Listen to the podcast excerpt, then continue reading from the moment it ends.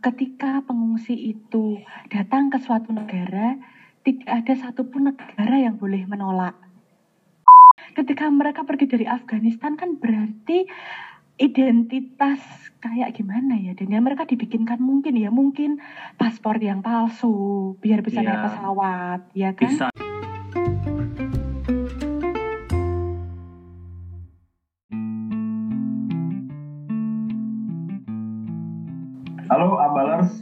Lagi di podcast Filsuf Abal, podcast yang membahas segala macam hal yang susah kita buat mudah, yang mudah kita buat susah. Saya masih bersama filsuf pencipta Socrates, yaitu Aloysius Binora, yang sekaligus menjadi pembina podcast ini. Halo Bang. Halo Mas Daniel, influencer kita. Aduh, Dari era influencer followers juga, Postmodern. Followers juga masih 700, bro. 700k ya? Eh, endorsement juga belum masuk. Mau influence dari mana? Waduh, sabar ya. Instagram masih digembok, nggak bisa nggak berani. Gimana mau masuk endorsement ya? Nggak nggak bakal produk apa juga. Ini kayak Ba- Babe Cabita sama MS sama Glow. Marcel. Iya, iya. Siapa tahu bisa kayak gitu nanti. Oh ya teman eh, teman-teman pendengar Filsuf Abal eh, sebagai informasi Alois di Aloysius Binora ini juga sebagai pemerhati HAM hak asasi manusia. Waduh, Nah, waduh. karena beliau ini pemerhati hak asasi manusia, episode kali ini juga akan mengangkat eh, tema mengenai hak asasi manusia, yaitu kita mau ngomongin nih diskusi soal pengungsi.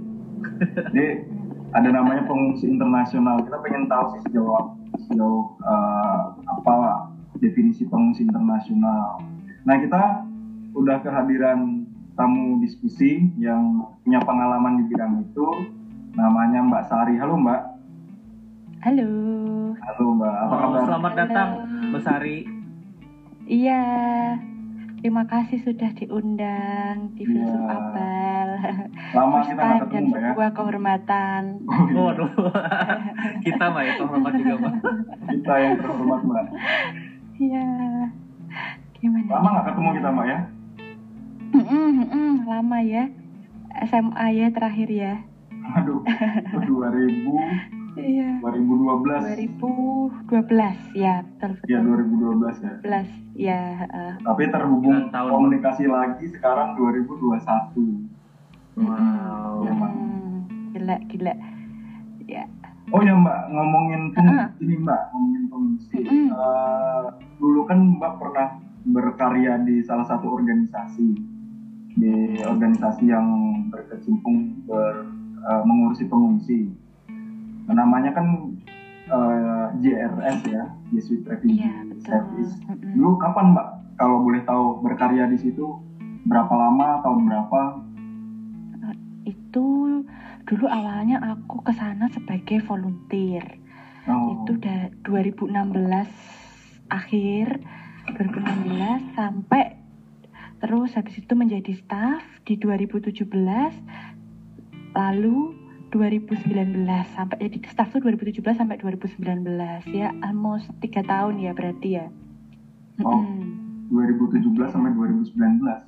Iya, jadi 2016-nya aku volunteer, terus 2017 sampai 2019-nya aku bekerja di situ. Bedanya apa Mbak jadi volunteer sama eh, Mbak jadi staff ya kalau di situ ya? Iya, jadi Ya, staff. Apa bedanya Mbak volunteer sama staff? Eh bedanya mungkin ya cuma digaji sama enggak sih, Dek. Oh gitu. Itu, pekerjaannya sama ya tetap ya? Ternyata Iya, tapi mm, tapi tentu tentu loadnya volunteer eh, tidak sebanyak staff ya load kerjanya. Heeh, cuma Oh, uh, tetap berkarya bersama pengungsi, tahu program-programnya gitu. hmm. Mm-mm. Dulu kenapa Mbak pengen jadi volunteer? Volunteer pengungsi gitu. Volunteer ya, itu eh itu posisi aku sudah lulus kuliah Daniel waktu itu, dan memang eh, sejujurnya susah sekali mencari kerja ya Oke, iya. saat itu. heeh. terus eh, aku kepikiran kok aku gini-gini aja ya hidupku rasanya tuh Waduh, apa ya iya weh agak ini ya kayak retret ya ini jadi Nanti dong, Ini- retret kita kalau gitu. Iya. Nah udahlah. Terus habis itu eh, aku datang ke misa itu di gereja di Kota Baru di Jogja. Kok kebetulan ada fundraising, ada pencarian dana dari CRS. Terus tak cari tahu itu apa gitu. Hmm. Nah, Oh, eh, eh, tak cari tahu itu apa toh, itu pengungsi itu siapa, ini cari dana itu buat apa gitu. Nah tak cari tahu terus kayaknya menarik banget. Ini sesuatu yang jarang banget ku dengar sih Daniel sebenarnya isu ini. Isu ini dan mungkin nggak banyak orang tahu akhirnya aku pergi ke kantornya JRS di Jogja dan tanya kira-kira apa sih yang bisa aku bantu? Gitu. Kebetulan ada nih volunteer tapi di Bogor bukan di Jogja gitu. Oh Terus itu tanpa di pikirin- Bogor. betul Iya tempat penampungannya ya, salah satu ya. eh Bogor itu kita nyebutnya eh, urban refugees deh, jadi pengungsi yang hidup secara mandiri, tidak di Oh. shelter gitu. Hmm. Eh, pengungsi yang hidupnya ada yang ngekos, ada yang ngontrak gitu. Hmm. Jadi tidak di shelter atau di bawah eh, maaf kayak seperti penjara imigrasi ya, tidak gitu, tidak. Tadi hidupnya mandiri. Mm. Nah, tapi kalau waktu jadi staff, Mbak, jadi staff itu Mm-mm. apakah tugasnya tugasnya sama? Terus Mbak dulu bagian kalau boleh tahu staffnya staff apa, Mbak? Oke, aku sempat di ngerjain project pendidikan, namanya. Project Hmm. Learn. Eh, jadi di situ eh, mengkoordinir aktivitas-aktivitas pendidikan untuk pengungsi, karena pengungsi kan tidak mempunyai eh, hak untuk sekolah, apalagi bekerja. Jadi di situ CRS bikin eh, project namanya Learn. Di situ belajar bahasa Inggris, bahasa Indonesia, Hmm. terus aktivitas-aktivitas psikososial gitu. Aku ngajar satunya aku ngajar eh, bahasa Indonesia. Waduh. Cocok jadi itu. eh, namanya BIPA, BIPA bahasa Indonesia untuk penutur asing. Sing iya ya. Heeh, Oh. Ya, Berarti Mbak Sari di situ sebagai pengajar bahasa Indonesia. Ya salah satu job desk-nya di. Tapi aku juga ngerjain yang lain. eh ya, ya manajerial pasti itu pasti dikerjakan ya hal-hal yang administratif. Itu tahun pertama, tahun kedua aku jadi eh staf kesehatan. Padahal aku tidak ada background kesehatan ya, tapi aku jadi staf kesehatan yang banyak nemenin pengungsi pergi ke rumah sakit kayak gitu. Oh, aduh mulia banget ya. Ya. Aduh, Iya iya gitu lah. Tapi Bangga ya Nil, bangga ya Nil sebagai tempat Iya. satu SMA dulu ya Nil Ya, sebagai junior aku bangga loh, lo alah, ndak lah Daniel masih belum apa-apa. Dan intinya caregiver sih Daniel ini caregiver. Sebutannya kita semua tuh caregiver. Sebutannya kita Hmm. semua. Heeh, jadi apa pun job deskmu, yang paling dasar itu adalah menjadi seorang caregiver. Wow. Apakah Ah. Nadil punya seorang caregiver? Caregiver. Perlu dilatih itu kayaknya ya, Mbak ya. Perlu Iya, iya. kontemplasi ya. Kita perlu juga tuh Nil kayaknya Nil, caregiver.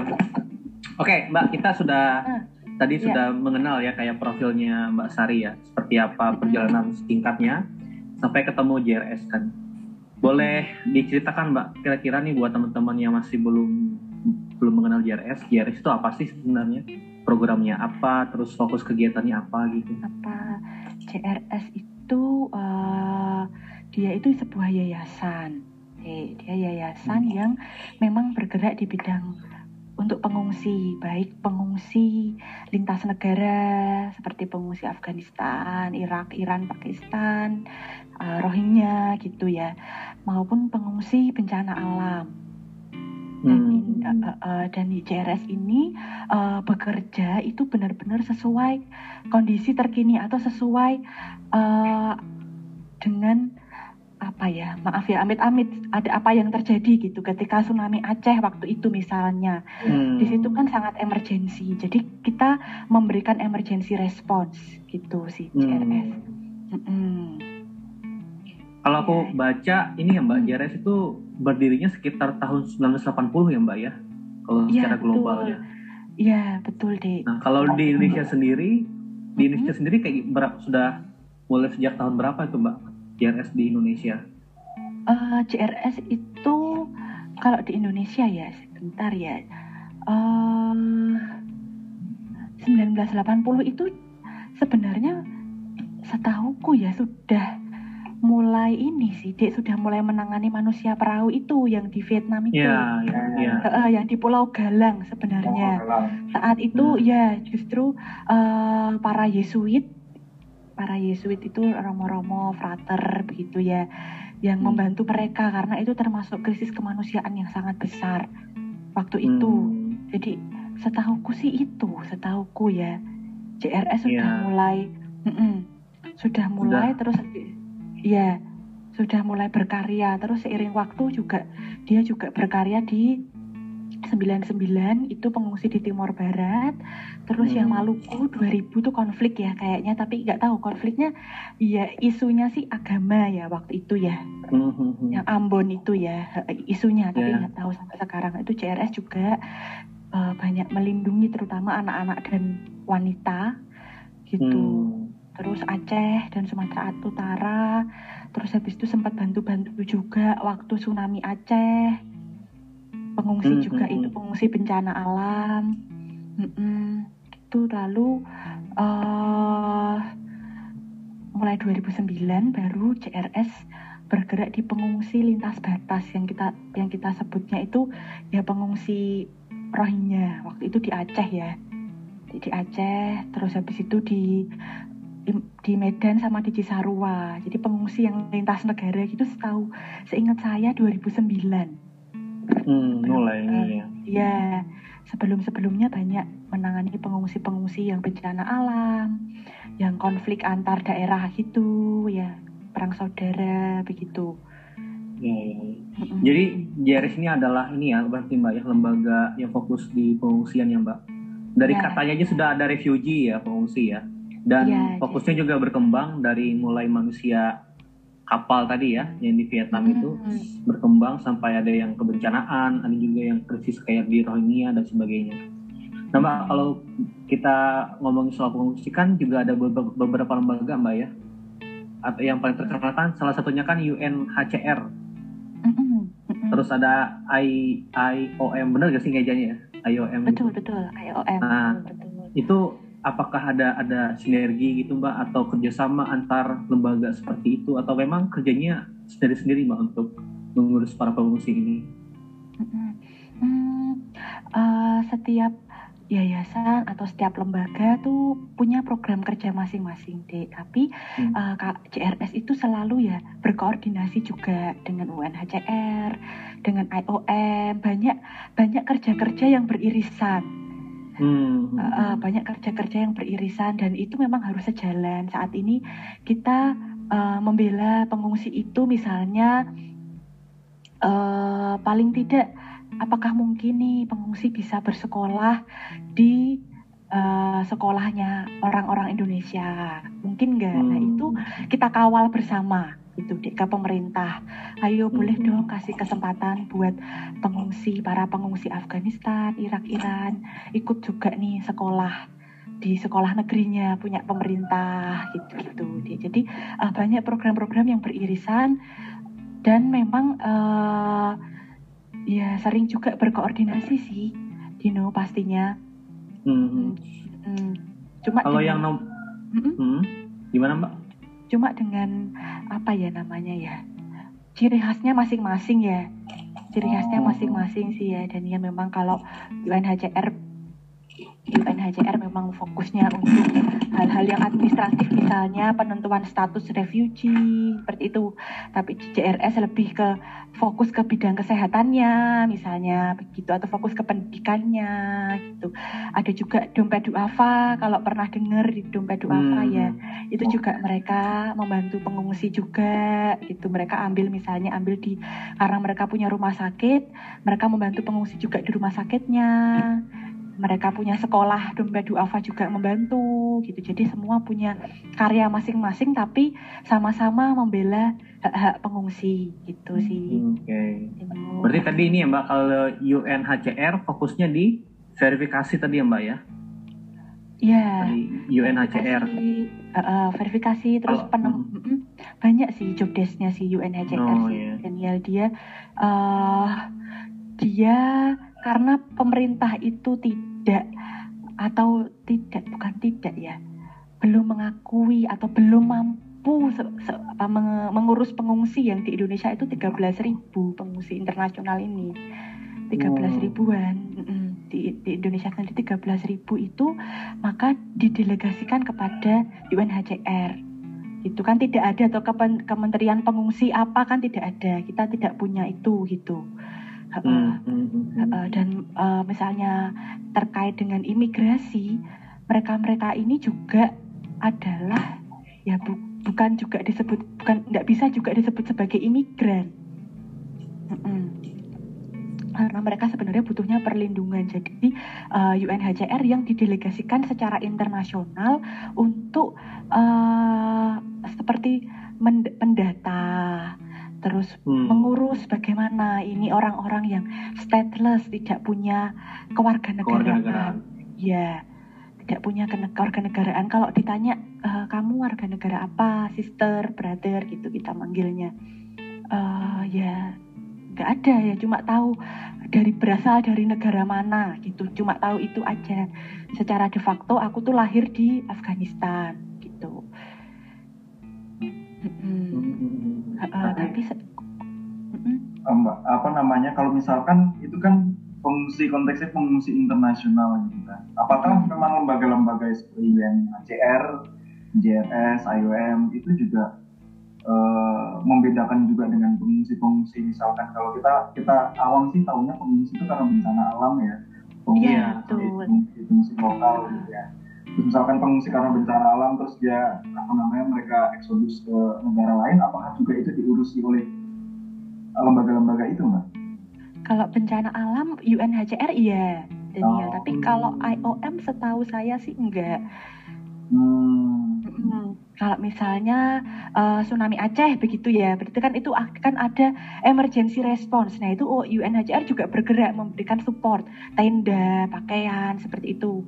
Oh. Mereka tetap eh, eh, dan mereka juga akan eh, eh, apa namanya membuka donasi Hmm. Ya, mm, UNHCR terus apa juga memberikan emergency response untuk pengungsi yang konteksnya bencana alam itu juga menjadi eh, responsibility-nya. Oh, artinya bukan yang kayak disebut mencari perlindungan ke negara lain ya, Mbak ya? Iya, bukan, bukan hanya itu, tapi pengungsi yang eh, harus apa ya, pengungsi yang harus pergi atau pindah dari tempat asalnya menuju ke tempat yang lain supaya merasa aman, merasa lebih baik. Hmm, Gitu. termasuk karena bencana alam itu ya. Betul, iya. Mm. Tapi Mbak, apa namanya? Kan kita juga ngerti biasa kalau kita dengar berita kayak gitu kan kita dengar juga nih namanya pencari suaka gitu kan. Ya pencari suaka sebenarnya pengungsi internasional ini sama pencari suaka itu sama atau beda sih Mbak? Oh oke, ini men- jadi oke gini gini. Eh, sebelum seingat saya sebelum 2017 Nah, ketika pengungsi internasional itu datang, gitu ya refugee itu datang hmm. eh, ke Indonesia, misalnya dia datang ke kantor UNHCR, statusnya adalah pencari suaka atau pencari perlindungan. Jadi mereka istilahnya aku datang tolong aku diberi perlindungan karena aku di dari negaraku aku diancam akan dibunuh gitu. Hmm. Jadi se- sebutannya pencari suaka. Nah, eh, waktu tunggu mereka untuk mendapatkan status sebagai seorang refugee atau pengungsi itu sekitar dua tahun, 1 sampai 2 tahun lah. Oh. Jadi, Bet- itu sebelum 2017 Daniel. Jadi eh, berkas-berkas mereka itu ada interview juga dengan UNHCR bahwa dipastikan bahwa orang ini si A ini adalah orang yang benar-benar tinggal di Afghanistan, misalnya ada di kota Kabul misalnya dari Kabul. Terus memang dia secara suku secara agama memang benar-benar terancam.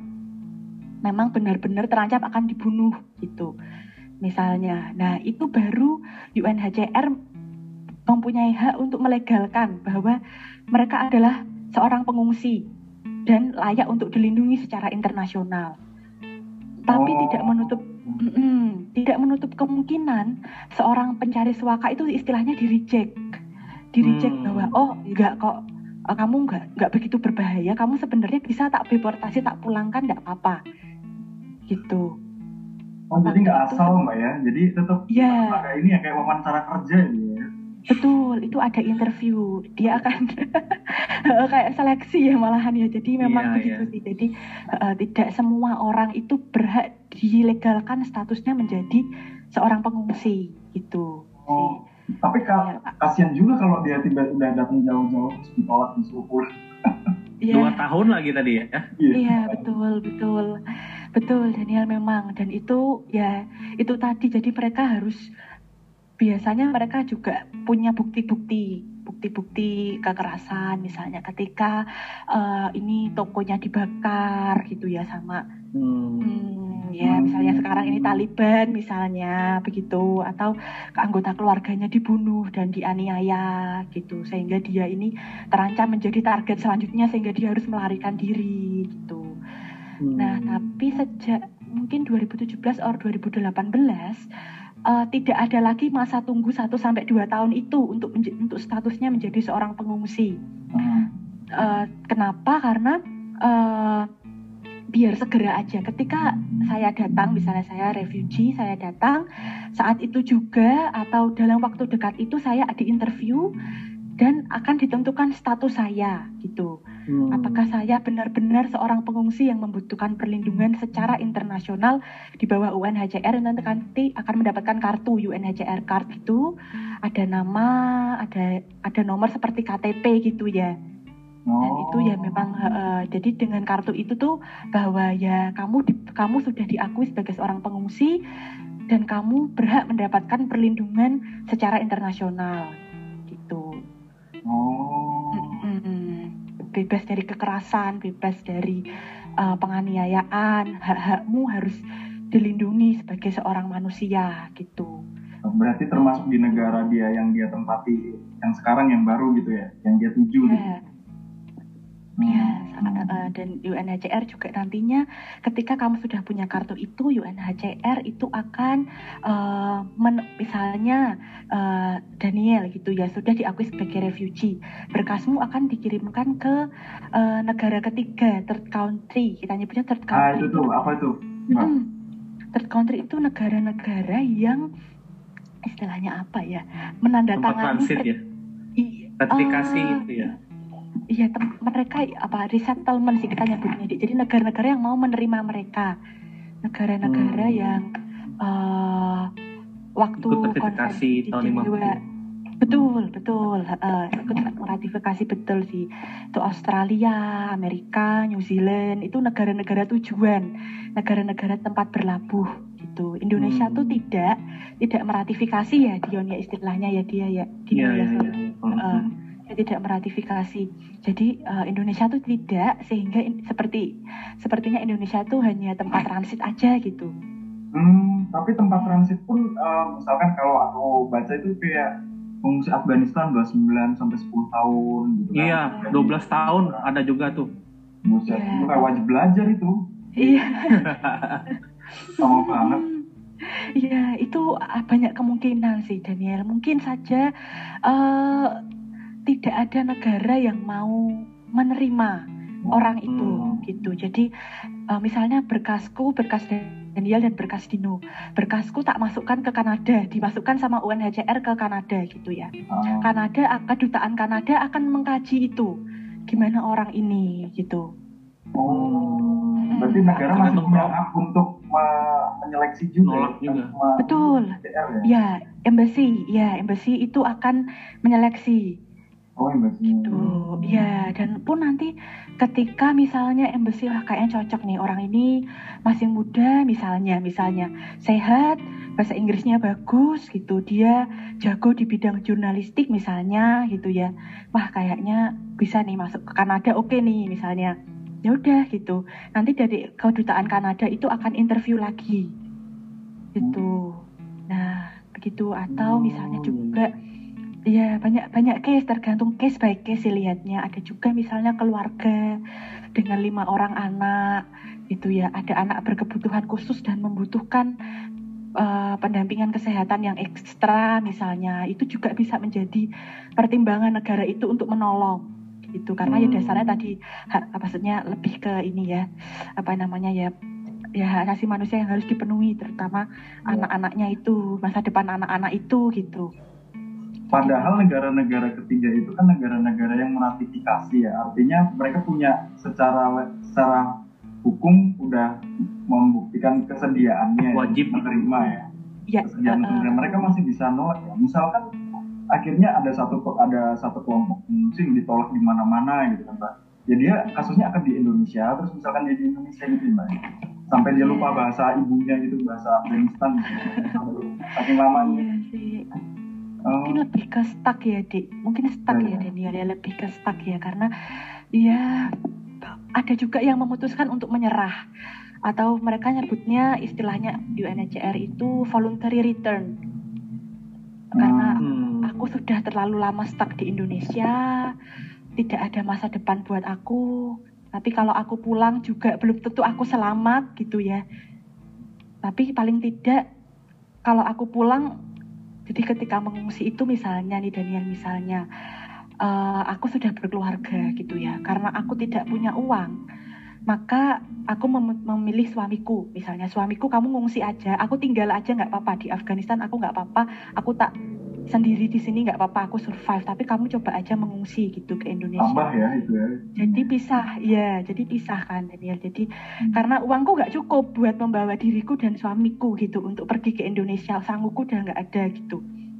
Hmm. dan uh, uh, misalnya terus suami suamiku stuck di Indonesia lama 10 tahun nggak ada kejelasan akhirnya ya bagaimana? Karena istrinya masih ada di Afghanistan ya akhirnya voluntary return dia memutuskan untuk pulang kembali sama istrinya ya tapi ya gimana 10 tahun yang sia-sia gitu ya Wah, iya.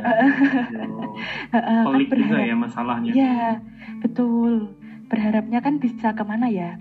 Berharapnya mereka berharapkan setelah dari Indonesia misalnya aku diterima di Australia. Di Australia yeah. aku punya hak buat bekerja meskipun bekerja di sektor-sektor yang bukan sektor-sektor yang biru ya. ya betul kerah biru betul. Sektor-sektor yang biasa gitu ya Dino ya. Nggak jangan banyak berharap untuk bekerja di sektor yang baik gitu. Mbak tapi Ada itu yang tadi menarik mbak. Sorry hmm. kasus yang tadi yang istri ditinggalkan suami. Ini agak-agak iya. agak joke aja ya. misalkan dia pergi nih keluar meninggalin hmm. istrinya. Terus akhirnya istrinya kan berharap kalau suaminya di situ bisa kerja. Ternyata suaminya nikah lagi gitu mbak suaminya kasusnya suaminya kasusnya nikah lagi dia udah keluar dari Afghanistan ya kalau kasusnya Afghanistan dia keluar buat mengungsi istrinya ditinggal ya kan? Ternyata dia di negara tujuannya itu dia nikah lagi ya kan? Padahal kan statusnya dia kan pengungsi. Kalau kayak gitu dia masih diurusi sama lembaga-lembaga itu enggak Oke oke, berarti dia oke okay, misalnya suaminya ini sebentar pengungsi di mana? Di Indonesia? Nah, ya dia mengungsi ke Indonesia misalnya. Uh, uh menikah lagi ya, menikah lagi gitu sama orang Wah, ini uh, uh, uh, berat sih sih itu Daniel itu lebih ini ini harus dibahas sama ini sih. Uh, sama legal sih sama tim oh, iya, legal iya. sih uh, Daniel iya. tapi ya tidak menutup kemungkinan uh, ada yang single single juga menikah tapi ya menikah ini aja ya secara agama. Daniel menikah secara agama tidak diakui oleh catatan sipil. Memang ada gitu cuma secara kebanyakan kayak gitu kasusnya mbak nikah nikah menikah siri ya. gitu ya? Ya menikah siri gitu. Oh, gitu. ya, uh, begitu dan tetap tetap mereka tetap tidak bisa misalnya menikah menikahi perempuan Indonesia gitu ya tetap mereka tidak bisa bekerja tidak bisa nggak bisa nggak bisa sekolah gitu jadi memang sangat kecil kemungkinannya siapa tahu yang mau menikahi orang yang maaf tidak bekerja gitu maksudnya Iya. Oh, iya. jenjang pendidikannya belum jelas gitu sangat kecil kemungkinan untuk itu gitu Mm-mm. Hmm. ya Anu mbak apa namanya eh, sebelum nanti ke bang Dino kalau misalkan biasanya nih pengungsi-pengungsi kayak gitu mereka berangkat ke negara tujuan itu selain pakai perahu pakai apa sih mbak? Ah, wah ini ya betul betul ini Kalau pakai pesawat kan berarti mereka punya uang ya? Ya, betul sekali, betul sekali Daniel. Jadi memang eh, tidak bisa ditutupi bahwa banyak smuggler ya, kalau atau agen-agen gelap yang menyelundupkan Iya. mereka itu. Dan di situ mereka harus membayar cukup mahal memang. Oh kayak gitu juga ada penyelundupnya Pak. Betul, betul Nah cuma sekali. Berarti yang ada penyelundupnya. Oh, jahat juga ya. Ya, memang dan memang bahkan tadi eh, tidak semua orang bisa pergi dari negaranya karena tidak semua orang punya uang adanya. Itu. Jadi ya mungkin saja mereka-mereka yang bisa mengungsi ke sini gitu ya. Itu sudah menjual semua harta miliknya mungkin aja ya, mungkin saja Aduh, ya. eh, untuk pergi untuk membeli tiket ya berapa dolar gitu ya. Belum bayar smugglernya gitu. Dan mereka itu waktu itu perjalanannya juga naik naik pesawat transit dulu di India.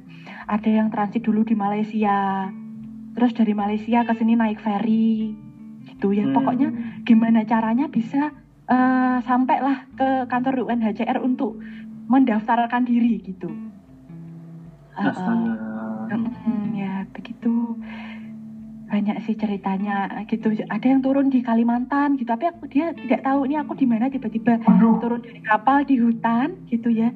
Dia cerita seorang pengungsi aku nggak tahu sister. Dia bilang aku nggak tahu itu aku di mana. Aku turun dari kapal malam-malam aku jalan lewat hutan terus aku naik mobil gitu lama naik mobil di, di mobil itu bisa dua hari gitu di perjalanan terus sambung naik kapal lagi terus aku tiba-tiba sampai di Jakarta aku di kantor UNHCR jadi bingung udah tiba-tiba sampai aja di Indonesia gitu Hmm. Hmm, dan ada ya Google mereka juga ya. iya iya bingung lah Daniel karena ketika mereka pergi dari Afghanistan kan berarti identitas kayak gimana ya Daniel mereka dibikinkan mungkin ya mungkin paspor yang palsu biar bisa Iya. naik pesawat ya kan Bisa juga palsu pasti. Mm-mm, Iya, bisa supaya paling tidak mereka bisa kabur gitu. Iya, begitulah. Ini Koper-koper mirip ini ya, Bilang, "Mm, gimana gimana? mirip kayak kalau ingat kalau pernah nonton film Two Pops, Dua Paus. Hmm? Pos- kan- oh iya iya iya. Di bagian akhirnya kan Paus Franciscus ini ya cukup concern juga kan dengan para pengungsi ini kan. Betul betul. Iya. Tadi yang yang yang datang sampai di Kalimantan atau datang di Jakarta itu kan yang lebih beruntung ya. Banyak yang Hmm. meninggal di tengah jalan nggak sih? Entah karena Iya. ombak atau kelaparan atau mungkin Betul. apa itu kan. Atau bahkan kemarin tuh ini mbak aku nonton di BBC itu Mm-mm. itu bahkan mereka kayak jalan kaki gitu kan. Hmm. Aku lupa tuh dari negara mana ke mana gitu, tapi daerah Afrika kalau nggak salah ya. Iya iya iya Itu juga Iya. nggak ada kepastian ya iya. mereka. Mm-mm. Betul betul Don. Apa betul Dino benar. Banyak yang jalan kaki ya mungkin itu yang uangnya minim-minim ya tujuannya Iya langsung habis. Hmm, langsung habis ya. Mereka sih kayaknya banyak-banyaknya pingin ke negara-negara di Eropa ya kayaknya ya. Iya yang maju-maju Ah, gitu ya negaranya. ya. Heeh, Amerika juga kan Amerika kan sangat multicultural ya. Iya. Mm, kayaknya Kalau begitu. kalau kalau para migran ini punya misalnya mereka hamil kan, misalnya di Amerika kan anaknya lahir di Amerika kan sudah jadi WNA WNI WNA Amerika kan kalau ketentuan hukumnya kan. Iya, Jadi facto jadi ya, bakal secara- uh, uh, jadi semakin menarik kan Amerika buat para migran ini. Terutama kayak Hmm. dari Meksiko gitu kan, daerah situ. Nah, Mbak, kalau kita masuk ke apa ya, mungkin kayak aturan mainnya para pengungsi ini. Mereka itu Mm, mm, punya ini nggak sih Mbak kayak misalnya tadi entah yang transit di negara yang bukan tujuan seperti Indonesia atau nanti ketika sudah sampai di negara tujuan seperti tadi Amerika Serikat, Australia, Selandia Baru, mereka tuh punya ketentuan untuk batasan waktu nggak sih tinggal di situ di tempat transit dan tempat tujuannya itu negara tujuannya. Iya, batasan waktu itu tidak tidak Dino karena. Eh, ketika pengungsi itu datang ke suatu negara, tidak ada satupun negara yang boleh menolak Oh. itu tidak ada satupun negara yang boleh menolak ini kembali, kembali lagi karena ini adalah eh, ya ini hak, hak asasi manusia gitu ya tidak boleh Mhm. gitu tidak boleh ada satu negara yang boleh menolak makanya Indonesia itu eh, bersedia menampung menurut saya Indonesia cukup berbaik hati sangat baik hati karena Indonesia baik hati maksudnya ya. ya menerima gitu kan hidup berdampingan gitu mau mengurus gitu ya Eh, tidak ada batas waktu maksimal gitu cuma ya dari sisi pengungsinya itu sendiri ya sangat menyakitkan ya karena masa tunggu itu gitu yang sangat Hmm. lama Iya, iya, iya. Tidak ada batas maksimal. Ya idealnya sih secepatnya ya tiga tahun lah paling tidak. Heeh, idealnya tiga tahun tiga tahun lah lima tahun oke lah. Sudah masuk ke tujuh sembilan sebelas dua belas tahun itu rasanya rasanya kok sudah seperti ya? warga negara Indonesia ya. Udah. Aduh ya eh, berat sih Iya, kayak kasihan maju ya. kena mundur kena ya. Anu ya kalau saya di posisi itu juga saya bingung ya. Hmm. kalau kalau saya mundur pulang ke Afghanistan belum tentu saya selamat gitu. Tapi saja negara saya transit juga nggak jelas nasibnya ya. ya saya nggak saya mati perlahan gitu. Di sini Iya. mati karena waktu kalau bilang mereka bilang gitu. Iya kan. iya benar-benar. Tapi Ada kalau di sana bunuh saya-. Iya banyak banyak yang Iya gitu stres. memang. Hmm. Nah itu dia. Ini kalau negara tujuan pak kayak Amerika, Hmm. Selandia Baru gitu, apakah Betul. bisa secara aturan ratifikasi yang tahun Mm-mm. 1951 itu, apakah mereka Hmm. boleh memberikan kewarganegaraan atau berhak mendapatkan kewarganegaraan yang baru? Boleh, boleh dalam jangka waktu tertentu, Dino setahu saya. Jadi eh, misalnya eh, seseorang sudah diterima di Australia gitu ya, mereka eh, akan diawasi dulu, misalnya dalam jangka waktu tiga tahun diberikan tanggung jawab dan pekerjaan tertentu yang harus diselesaikan gitu. Terus diberikan support eh, uang tunai untuk hidup, diberikan Oh. support shelter atau rumah. Nah nanti Singgah ya. setelah betul setelah tiga tahun baru dilepas gitu coba kamu hidup secara mandiri gitu sanggup nggak kamu coba cari beli rumah sendiri kamu bekerja dengan uangmu sendiri pokoknya menghidupi dirimu sendiri gitu jadi Hmm.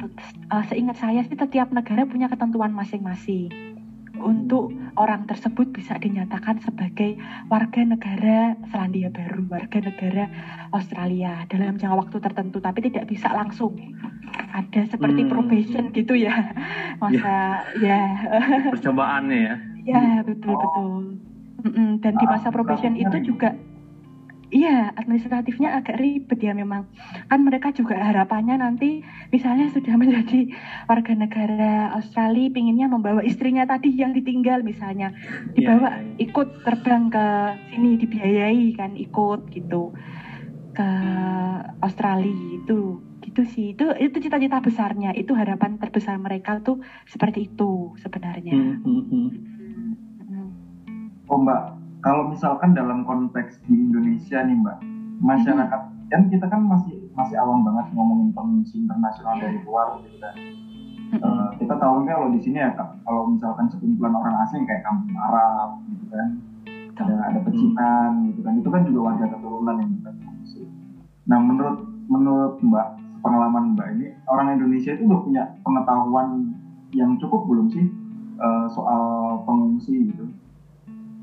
Ah, belum Daniel. Sejujurnya banyak yang apa ya anti gitu loh. Ngapain tuh kamu ke sini gitu Eh, kan karena pengungsi itu kan i- ibaratnya kayak menggeser lapangan kerja gitu. Kalau mereka bilang ngapain mereka ke sini gitu. Kita aja Kerja di sini susah. banyak yang susah cari kerja.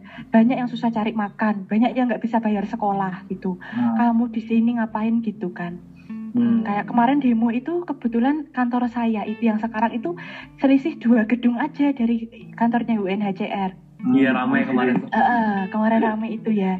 Terus Eh. saya naik Grab gitu kan. Bapak Grabnya bilang ngapain sih mereka di sini gitu. Menu-menuin aja, ribut-ribut aja gitu. hmm. Marah-marah mulu gitu. Mari Kita kita aja cari makan susah ya Mbak ya gitu. Oh gitu ya. Iya, gitu sih. Daniel masih pada bingung. Itu itu kita Mbak apa itu Mbak? Ah, wah, susah sih ya Daniel. Susah banget memberikan awareness. Nah makanya kenapa ya. ya awareness bahwa aduh hello gitu hidup mereka itu. Sangat-sangat jadi kalau ketika kita merasakan aduh nggak punya duit gitu. Aduh susah-susah banget cari kerja gitu. Kadang harus ingat ya ada pengungsi yang hidupnya tuh kayak di bibir jurang gitu. Kalau kita diskusi ya sama teman-teman CRS ya. Bingung gitu Besok makan apa gitu aja tuh mungkin gimana ya? Masih mikir gitu. Susah sih Daniel untuk memberikan eh, apa ya pengetahuan ke orang Indonesia meyakinkan bahwa mereka ini juga sama manusia seperti kita. Masih banyak stigma-stigma yang berbeda. Kayak terutama pengungsi-pengungsi dari Afghanistan kan cara menggunakan maaf eh, hijabnya itu berbeda dengan kita. Oh. Dengan perempuan-perempuan di Indonesia. Hmm. kan kalau kita itu kan rapat ya jadi eh, menutup aurat ya rambut gitu ya. Tapi kalau orang eh, Afghanistan pengungsi Afghanistan itu kebetulan eh, memang menutup rambut tapi eh, hijabnya hanya diselampirkan gitu aja. Gitu. Jadi eh, jadi cara apa ya mungkin eh, banyak hal-hal yang banyak hal-hal berbeda. Loh kok kamu kok kamu pakai hijabnya begitu toh gitu ada yang komentar kayak gitu oh iya karena eh, ya memang begini karena memang Iya, iya, ya, itu mungkin seperti kebudayaan. sudah budaya iya sudah budaya outfitku tuh begini gitu Outfit the day. Itu aja potensi Outfit, konflik ya. ya sudah ya. ya Itu aja sudah perlu potensi konflik ya. Iya, per- eh, bertanya, banyak tanya kan kayak eh, apa namanya orang Afgan itu jarang pakai sarung gitu ya, Dino ya. Berbeda gitu, kok kamu jarang gitu. Misalnya pas pas mau salat Jumat misalnya gitu ya. Beda loh, kok kamu mau Jumatan kok nggak pakai sarung, kok cuma pakai kalau lihat baju khasnya Afghanistan itu yang seperti baju koko satu set itu ya, Iya, Iya. eh, mereka kan jarang pakai sarung itu. iya. Mm-mm. Nah kayak gitu-gitu, jadi banyak hal yang perintil-perintil ada. Kayaknya mereka itu jarang jarang pakai sarung itu karena kalau pagi nggak punya kebiasaan mandiin gunung gitu kan. Oh iya bener ya. iya nggak ada budaya itu. Iya. Bener-bener. Heeh, bener. Mereka aja makannya beda loh Daniel. Mereka makannya rotinan gitu ya. Sedangkan kita terbiasa makan nasi. Mereka kan Timur Tengah toh kayak ya kayak India gitu loh makan rotinan. Kayak Yesus waktu itu membagi-bagi roti kan nggak mau bagi-bagi nasi kan. Iya, ya iya, kayak gitu gitu ya jadi banyak banyak hal yang berbeda dan memang mereka harus bisa adjust dengan budaya-budaya Indonesia gitu kalau tahu refugee dikiranya punya uang jadi dimahalin gitu kan Iya, iya. Mm, Oh, jahat juga ya. Aduh. Iya, mungkin begitu. Kalau memang yang sudah pada tahu ya mungkin enggak ya. Sudah pada Hmm. tahu. Yang di Cisarua tuh sebagian besar udah banyak yang ngerti kok, jadi paham. Terkenal tuh Terus- tempatnya tuh. Iya, heeh. Cisarua buat mungkin tempat kalian kalau jalan-jalan heeh, itu ke situ ya kapan-kapan kita, harus jalan-jalan sih ngobrol, ketemu Oh, siap, Mbak. Siap. mereka. Iya. Siap, siap, saya juga siap. kita, Daniel. Iya. Di Jakarta juga banyak kok, Daniel. Tenang aja. Itu banyak temanku juga. Ntar main, ngobrol. Mm-mm. Oke mbak, kalau dari entah itu JRS atau mungkin Hmm. UNHCR uh, dan lembaga sejenis itu, mereka punya nggak sih kayak program edukasi ke masyarakat gitu? Atau mungkin di JRS nih mbak, buat membangun ke apa namanya kesamaan pemahaman dengan masyarakat sekitar supaya lebih diterima gitu? Iya, ada, ada, ada, Dino, ada. Kita sebutnya uh, public awareness programnya. Hmm. Eh, itu udah sangat sering dilakukan. Waktu itu banyak-banyak misalnya eh, kita datang ke sebuah ke kampus gitu. Hmm. Banyak banyak kampus-kampus yang mengundang eh, staf-staf JRS untuk bicara tentang pengungsi. Di situ mahasiswa jadi melek kan. Oh, ada Iya. ya yang eh, di sini Seperti terus ini banyak gitu. seperti ini sehingga banyak juga mahasiswa-mahasiswa yang pengen jadi volunteer kayak gitu. Lalu misal kita ke sekolah-sekolah juga. Waktu itu misalnya sekolah internasional di Jakarta itu mengundang anak-anak pengungsi langsung kita bawa ke sekolah internasional itu supaya mereka bisa kenalan. Dari kecil kan anak-anak sekolah itu di- dikasih pengetahuan bahwa ini loh Oh. Heeh, ada isu pengungsi terus anak-anak di situ belajar buat aku punya boneka ini aku kasih kamu jadi anak-anak sekolah internasional itu mengumpulkan barang-barang yang dia miliki uang tabungannya buat dikasih ke anak-anak pengungsi gitu Oh, Jadi, sweet ya. Iya, sweet gitu. Jadi memang uh, smooth banget ya programnya smooth banget gitu. Jadi nggak yang kita uh, teriak atau kowar-kowar dan juga kalau foto kalau teman-teman perhatikan kita jarang sekali publish foto muka uh, wajah pengungsi teman-teman. Jadi kayak uh, misalnya aku foto bareng terus tak upload ke sosmed gitu ya itu itu terkait dengan confidentiality. Jadi uh, tidak boleh sembarangan nge-share foto. Takutnya, khawatirnya para pengungsi itu adalah target gitu loh. Apa namanya? Ya, ya, kejahatan. Uh, ya. kejahatan. Takutnya mereka dicari gitu, ditangkap atau bagaimana. Itu itu itu semua harus pakai inform consent dulu, harus harus dengan persetujuan mereka gitu. Jadi kalau kita mau uh, share misalnya video untuk untuk public awareness atau apa itu semua mm -hmm. sudah berdasarkan concern yang mereka gitu. Oke. Okay. Uh, uh, dan ya begitu agak rumit sebenarnya. Tapi banyak kok program public awarenessnya. Oke okay, oke. Okay. Oke Mbak ini mungkin pertanyaan terakhir ya buat teman-teman yang mungkin awam atau mungkin masih merasa ini kan dilema ya mbak. Baik baik negara kita maupun mungkin buat teman-teman yang mengurus para pengungsi kan. Karena di sisi lain negara kita punya kebutuhan juga yang, yang perlu diperhatikan kan. Tempat tinggal makanan dan semua sumber daya. Sedangkan di sisi lain ketika kita menerima para pengungsi ini sumber daya kita yang juga terbatas itu juga harus kita bagikan ke mereka. Ini gimana mbak? Supaya teman-teman juga yang mungkin mendengar podcast ini juga bisa lebih aware bagaimana kita juga penting nih dalam memahami isu pengungsi ini supaya kita juga bisa nerima gitu. Gimana mbak? Iya, uh, uh, menurutku sih sebagai yang paling dasar adalah kita sebagai sesama manusia sih, itu menurutku ya. Kita sama-sama hidup di sini, tinggal di sini dan uh, dasar manusia itu kan yang paling nggak bisa makan. Itu dulu. Hmm uh, bahwa mereka manusia kita juga manusia ya. Harusnya ya itu sesuatu yang apa ya uh, sesuatu yang udah nggak perlu dipertanyakan lagi gitu loh. Uh, itu sesuatu yang ya emang sudah layak dan sepantasnya itu tuh uh, diterima kehadiranmu sebagai seorang pribadi sebagai human gitu. Kak ya diterima gitu. Bagaimanapun kepribadianmu tuh nanti urusan nanti. Tapi kamu sebagai seorang manusia ya kamu harus dianggap ada gitu. Bahwa kamu ada di sini kamu tinggal ada sama aku gitu. Itu yang paling dasar gitu. Yang kedua di sini sih di, bukan berarti kita langsung mengasihani ya gitu ya. Jadi hmm. mengasihani itu menurut menurutku kalau kasihan tuh uh, agak gimana gitu. Jadi menurut menurutku pribadi kalau posisi kita mengasihani ya, ya. berarti orangnya ada di bawah. Perbedaan kelas ya. Ya, uh, tapi justru uh, sudut pandangku adalah mereka adalah orang yang hebat gitu. Uh, mereka adalah orang hebat karena uh, bisa bertahan, ya bisa bertahan di situasi seperti ini gitu.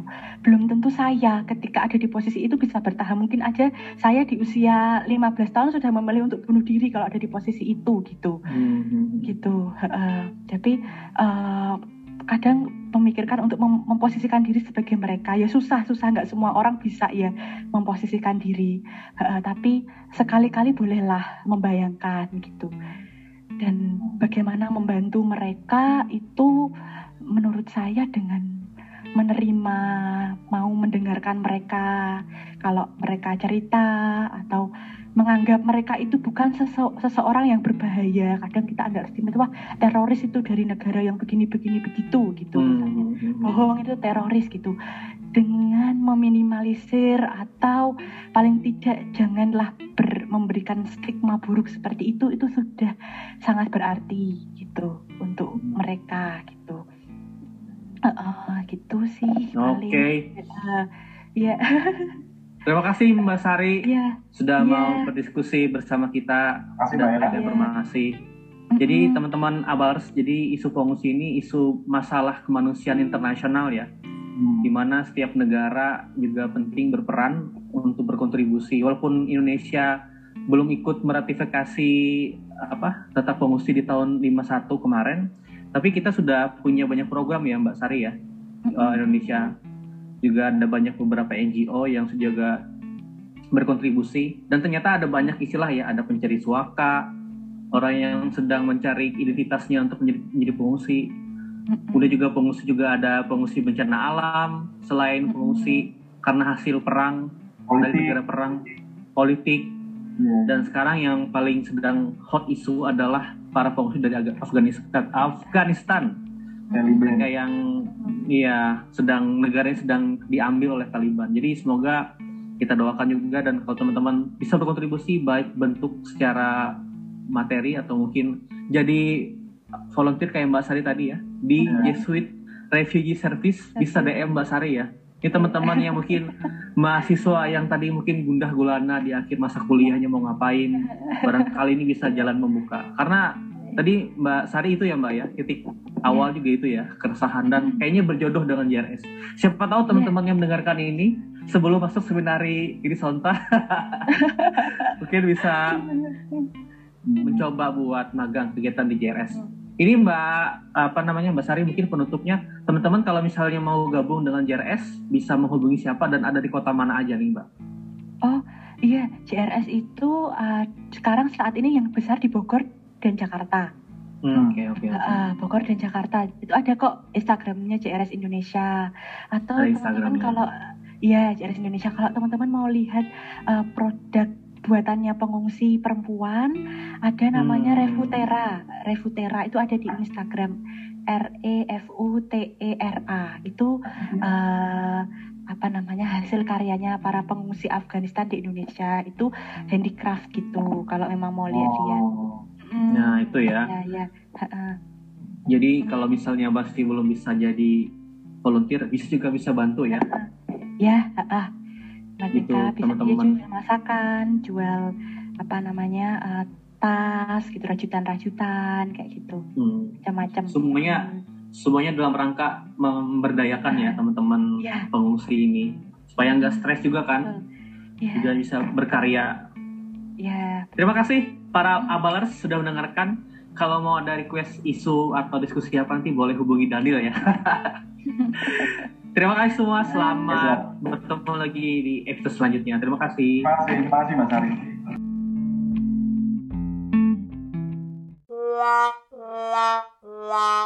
la la la la